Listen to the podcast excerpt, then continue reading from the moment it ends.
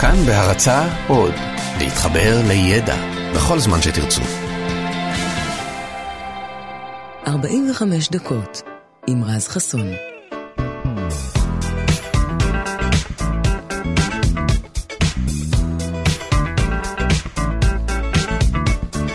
כאן תרבות, בוקר טוב לכם, 104.9, 105.3 FM, וגם באפליקציות שלנו, כאן וכאן אודי. בוקר טוב לכם, מהדורת יום שלישי בשבוע כבר של 45 דקות, וגם הבוקר יש לנו כל מיני דברים מעניינים בשבילכם, כל מיני גילויים, עובדות, סיפורים. אה, גם היום הזה בהיסטוריה וההמצאה היומית, אבל כל זה בהמשך, גם מוזיקה שערך לנו גדי לבני הבוקר. ונתחיל מכל מיני דברים מפתיעים שאנחנו מוצאים במטוס, שאנחנו לא מאמינים שבכלל אפשר למצוא אותם במטוס. בואו נגיד, פעם נדהמנו מזה שבמטוסים יש טלפונים, שבן אדם יכול להיות בדרך ללוס אנג'לס ולהתקשר מהמחלקה הראשונה כדי להודיע שהוא ינחת בעוד כארבע שעות. אז היום אנחנו יכולים אפילו להעלות פוסט לפייסבוק במהלך טיסה, אפילו לשלוח וואטסאפ או לקיים שיחת וידאו מהמושב שלנו במטוס, כל זה באמצעות האינטרנט האלחוטי, וי-פיי, נכון? שזה לא פחות ממדהים. ואני מוכן להתערב איתכם שזו שאלה שעברה לכם בראש לפחות פעם אחת. איך לעזאזל יש אינטרנט במטוס? אינטרנט על חוף הים זה כבר משהו שנראה לנו שירות הגיוני לגמרי, אבל איך מגיע אינטרנט למטוס? אז לרוב לשאלות האלה יש הסבר פשוט מאוד, אבל זה לא אחד מהמקרים האלה. נתחיל מזה שהאינטרנט האלחוטי שאנחנו קולטים בחוף בוגרשוב נניח, הוא לא עובר את אותה הדרך שעובר האינטרנט שמגיע אלינו למושב במטוס של טורקיש נניח. הוא עובר דרך אחרת לגמרי. האינטרנט האלחוטי שאנחנו קולטים ברחוב הוא בדיוק כמו האינטרנט האלחוטי שאנחנו קולטים בבית. המקור שלו מחובר פיזית לחיבור אינטרנט בקיר שנמצא איפשהו, והאות הזה פשוט מוגבר על ידי uh, מגברים, שזה בדיוק מה שהם עושים. הם מגבירים את העוצמה שלו ומגדילים את uh, טווח הקליטה. עכשיו, בגלל שאין באמת מגבר שיכול להגדיל את הטווח של האות של האינטרנט עד לגובה מסלולי הטיסה בשמיים, אז נעזרים בלוויין. ובגלל שהמטוס נמצא בתנועה והמיקום שלו משתנה, אז בכל פעם שהוא יוצא מטווח של לוויין אחד, מערכת מיוחדת דואגת לחבר אותו ללוויין אחר, ששומר על חיבור אינטרנט רציף. אגב, גם אנטנת האינטרנט שמותקנת במטוס היא לא סתם אנטנה, אפשר לומר שהיא אנטנה עצמאית כזו. בכל רגע במהלך הטיסה היא מודדת את אה, עוצמת האות שמתקבל מהלוויין ומשפרת את הזווית שלה בהשוואה אליו, ככה שבאופן אוטומטי יהיה ניתן לקלוט אותו באופן המיטבי ביותר. המערכת הזאת גם עמידה בתנאי מזג אוויר קשים מאוד, ככה שרוחות חזקות לא משפיעות עליה בכלל. גשם ברור שלא, כי רוב הטיסה מתנהלת מעל גובה העננים. יש מצב אחד בלבד שבו חיבור האינטרנט ינותק, והוא גובה של פחות משלושה קילומטרים. הסיבה, המטוס נמצא בגובה הזה רק כשהוא במהלך המראה או נחיתה, שתי פעולות שבהן הפעלת אה, מכשירים אה, סלולריים או מחשבים אה, אסורה בהחלט. זה אנחנו יודעים, הדיילות מהירות לנו על זה כל הזמן. אז הנה, ככה מגיע אינטרנט למטוס, הכל עובר עניינים לווייניים. וזהו, ועם זה אנחנו פותחים את התוכנית להבוקר. גדי לבנה על המוזיקה, ירדן מרציאנו על התוכן, לי קוראים רז חסון, אנחנו כאן עד שבע, ופותחים שעון. 45 דקות יוצאות לדרך.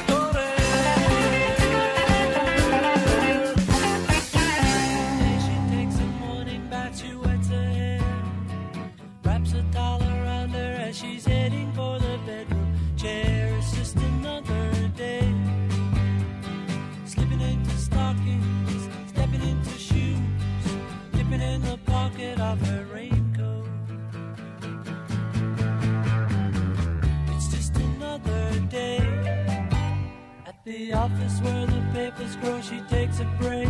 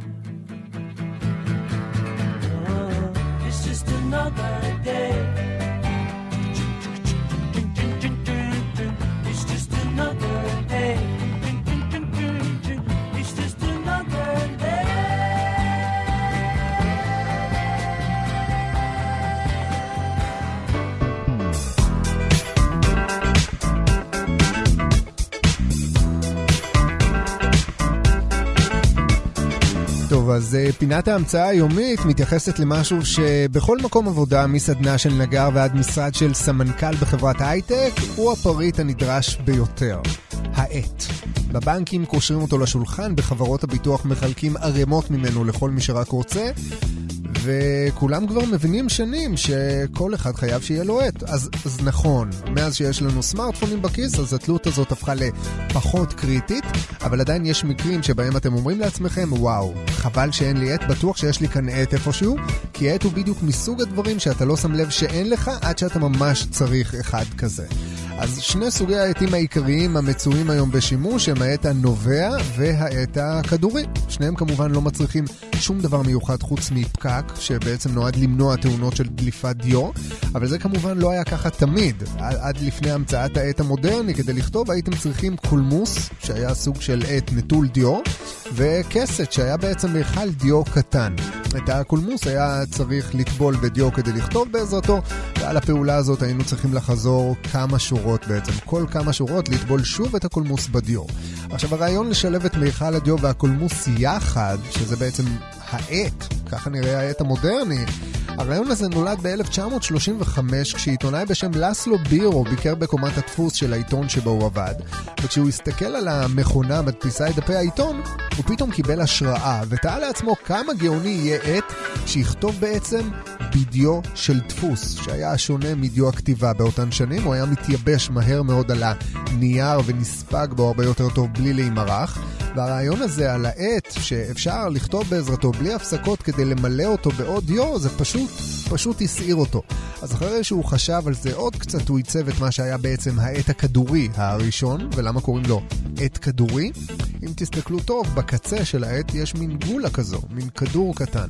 אז זה בדיוק הטריק. הטריק היה להחליף את הקצה המחודד של הקולמוס במעין כדור זעיר שבעצם משמש סוג של חוצץ בין הדיו ובין הנייר. ואז בכל פעם שמעבירים אותו על הדף, הכדור מתגלגל, בעצם מתלכלך בדיו, ומשאיר סימן על גבי הדף.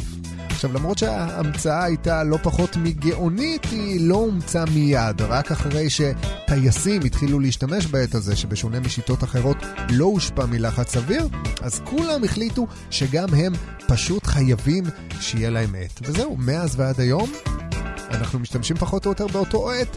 אה, יש כמובן שוב את העט הנובע, שאסור להשאיר אותו באוטו, אסור לנער אותו, אסור להשאיר אותו בכיס יותר מדי זמן, אחרת הוא מתפוצץ.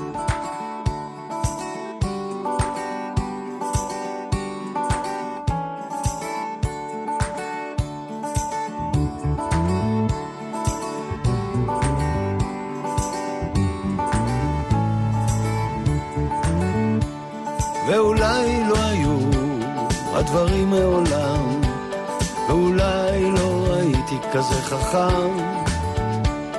וכשנעמי אמרה, בוא נרוץ אל הים, רצנו עד סוף העולם. ואולי זה היה, ואולי אשליה, הכל מחשבות ישנות. וכשנעמי אמרה, בוא נריץ ערבה, רצנו כמו שתי בנות. הכל, ואולי זה אתמול, אולי יש עוד מחר מסוים.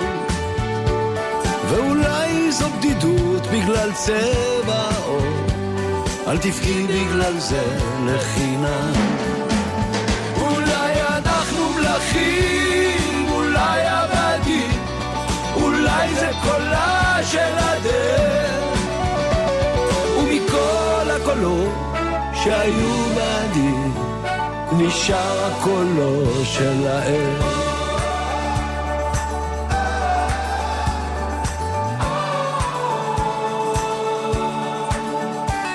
ואולי לא ידעתי להגיד את זה טוב, אולי טעיתי ברוב המילים. וכשנעמי אמרה, בוא נלך עד הסוף, רצתי איתה לגלים. ואולי תאהבי אותי עד הסוף, בלי פחדים ובלי היסוסים. אני רק בן אדם שעומד על החוף, ומחכה שאולי תנסי.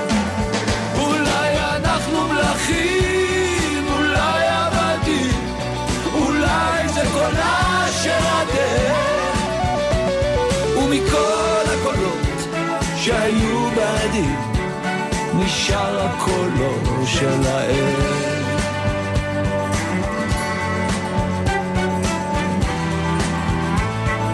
ונעמי הזאת, עם כל הרזות, הלכה להיות דוגמנית.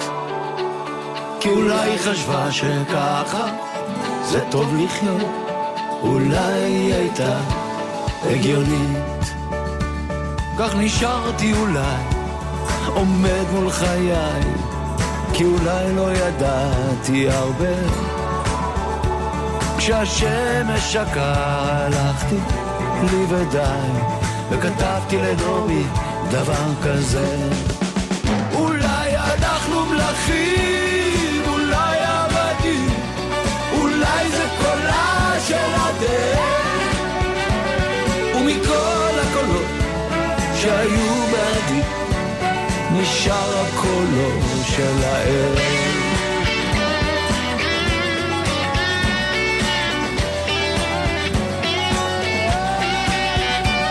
ומכל הקולות שהיו בעדי, נשאר הקולו של האל.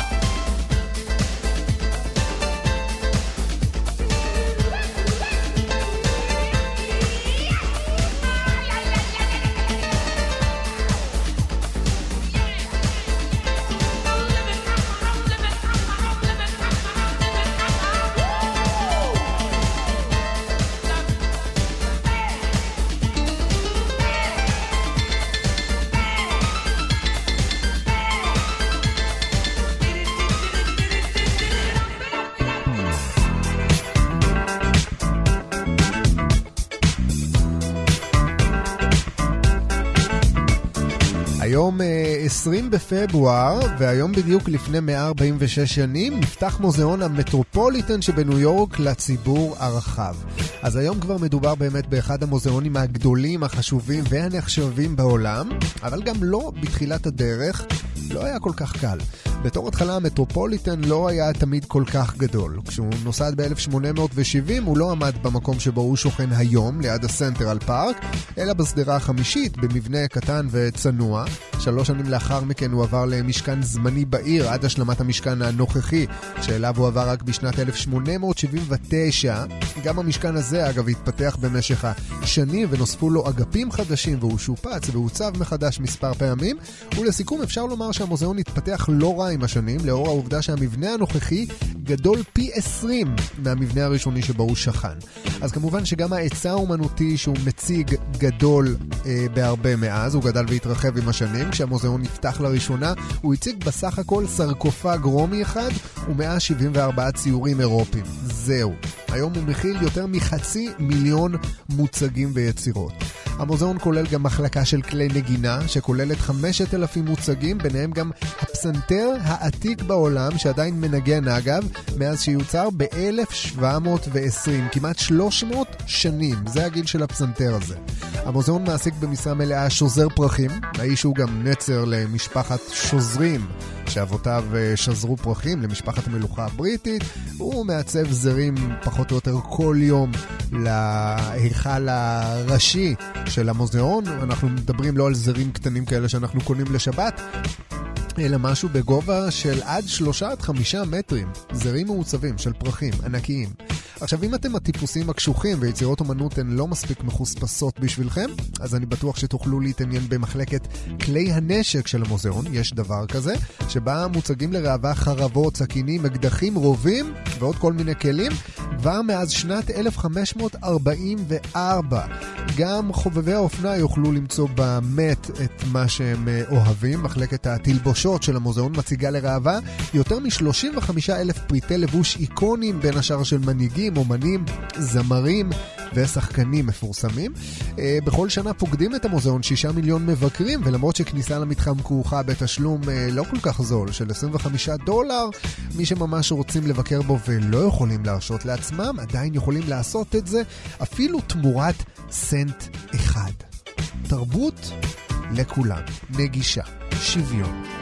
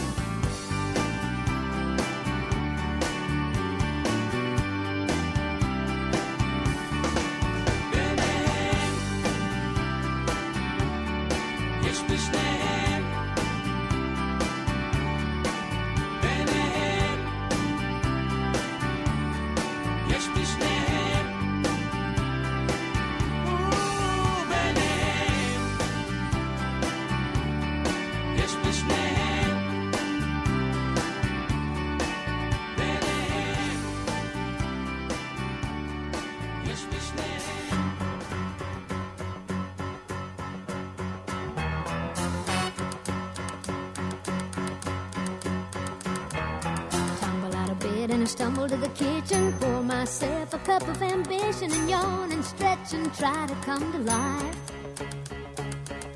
Jump in the shower and the blood starts pumping. Out on the streets, the traffic starts jumping with folks like me on the job from nine to five.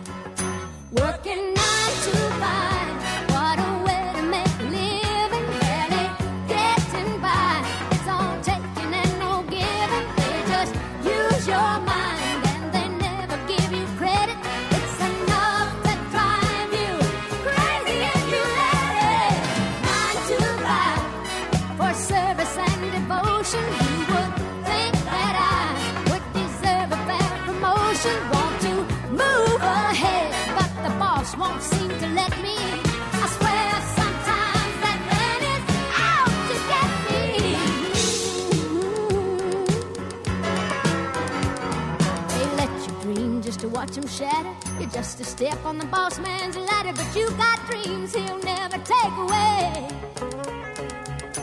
in the same boat with a lot of your friends, waiting for the day your ship will come in and the tide's gonna turn and it's all gonna roll your way.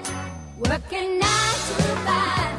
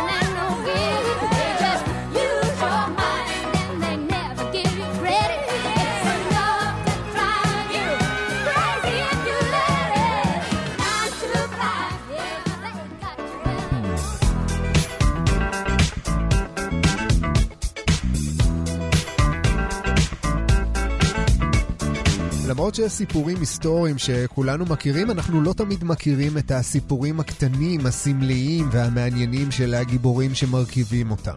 את הסיפור של חומת ברלין כולנו מכירים. אחרי מלחמת העולם השנייה, הבירה הגרמנית בעצם חולקה לשני חלקים. לחלק מזרחי שהיה בשליטה סובייטית, ולחלק מערבי שהיה בשליטת בעלות הברית. החומה נועדה בעצם להפריד בין החלקים ובעצם גם למנוע מעבר של תושבים מאזור לאזור, למרות שכולם היו תושבי ברלין בעצם.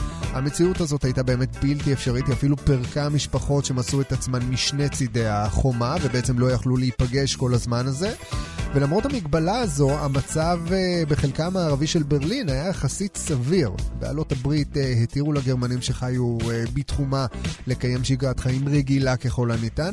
בחלק המר... המזרחי, לעומת זאת, האוכלוסייה האזרחית אה, הוזנחה לא פעם על ידי הסובייטים, שגם בין השאר רצו לנקום בגרמנים אה, וניהלו את העניינים שם ביד קשה. אה, בתקופה ההיא נעשו גם לא מעט ניסיונות מצד תושבים מהצד המזרחי לערוק לצד המערבי, ששם כאמור החיים היו קצת יותר טובים. משימה שהייתה אז די פשוטה בימים הראשונים לחציית העיר, כשהחציצה נעשתה רק באמצעות גדר, עדיין לא הייתה שם חומה, זאת הייתה גדר תיל כזו. בכל מקרה, הסובייטים לא התכוונו לאפשר למגמה הזו להמשיך, והציבו לאורך הגדר חיילים חמושים שקיבלו הנחיה מאוד ברורה, לירות בכל מי שמנסה לחצות אותה. אז הם כמובן לא תיארו לעצמם שהראשון להפר את ההנחיה הזו יהיה דווקא מי שאמור לאכוף אותה. ב-15 באוגוסט 61 הוצב חייל צעיר בשם אה, קונרד שומן בכוח השיטור של גרמניה המזרחית. בכל יום הוא ראה את העוול שיוצר את הגדר ואת החיים הקשים בצד המזרחי.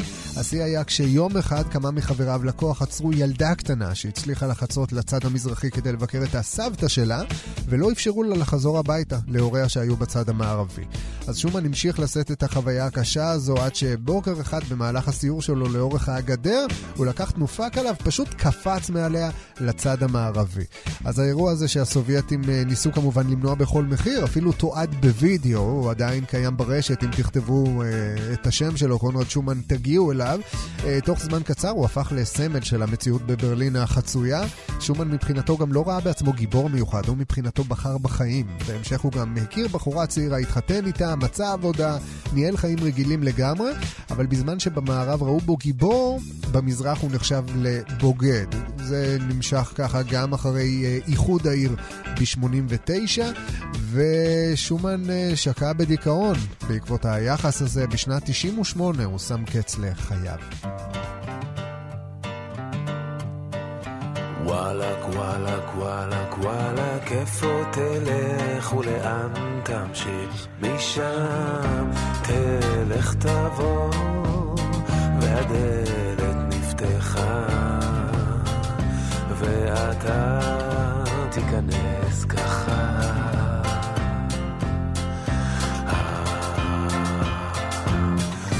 אנשים זזים ושוב בראש שב אורגן, קריות רבות.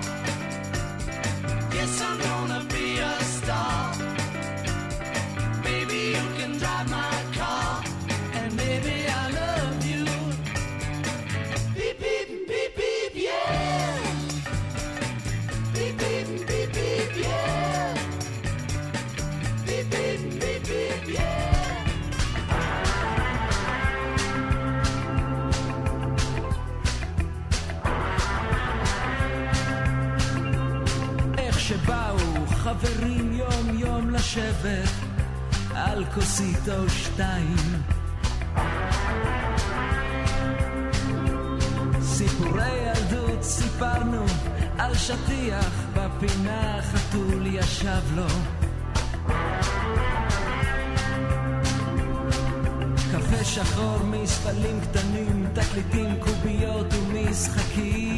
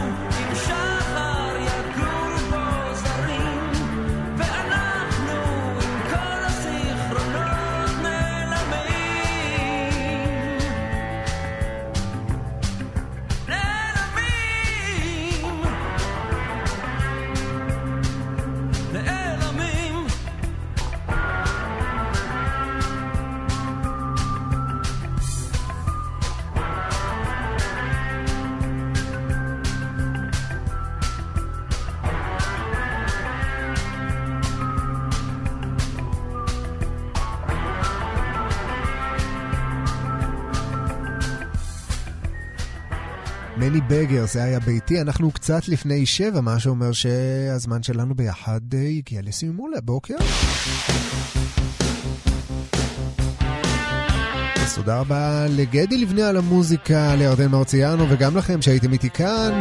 אתם מוזמנים לחפש אותנו באפליקציה כאן אודי, להאזין לנו גם בשעות הפנאי, לא חייבים לקום כל כך מוקדם. אנחנו נשתמע כאן מחר, לי קוראים רז חסון, שתהיה לכם האזנה טובה. ביי ביי, יום טוב.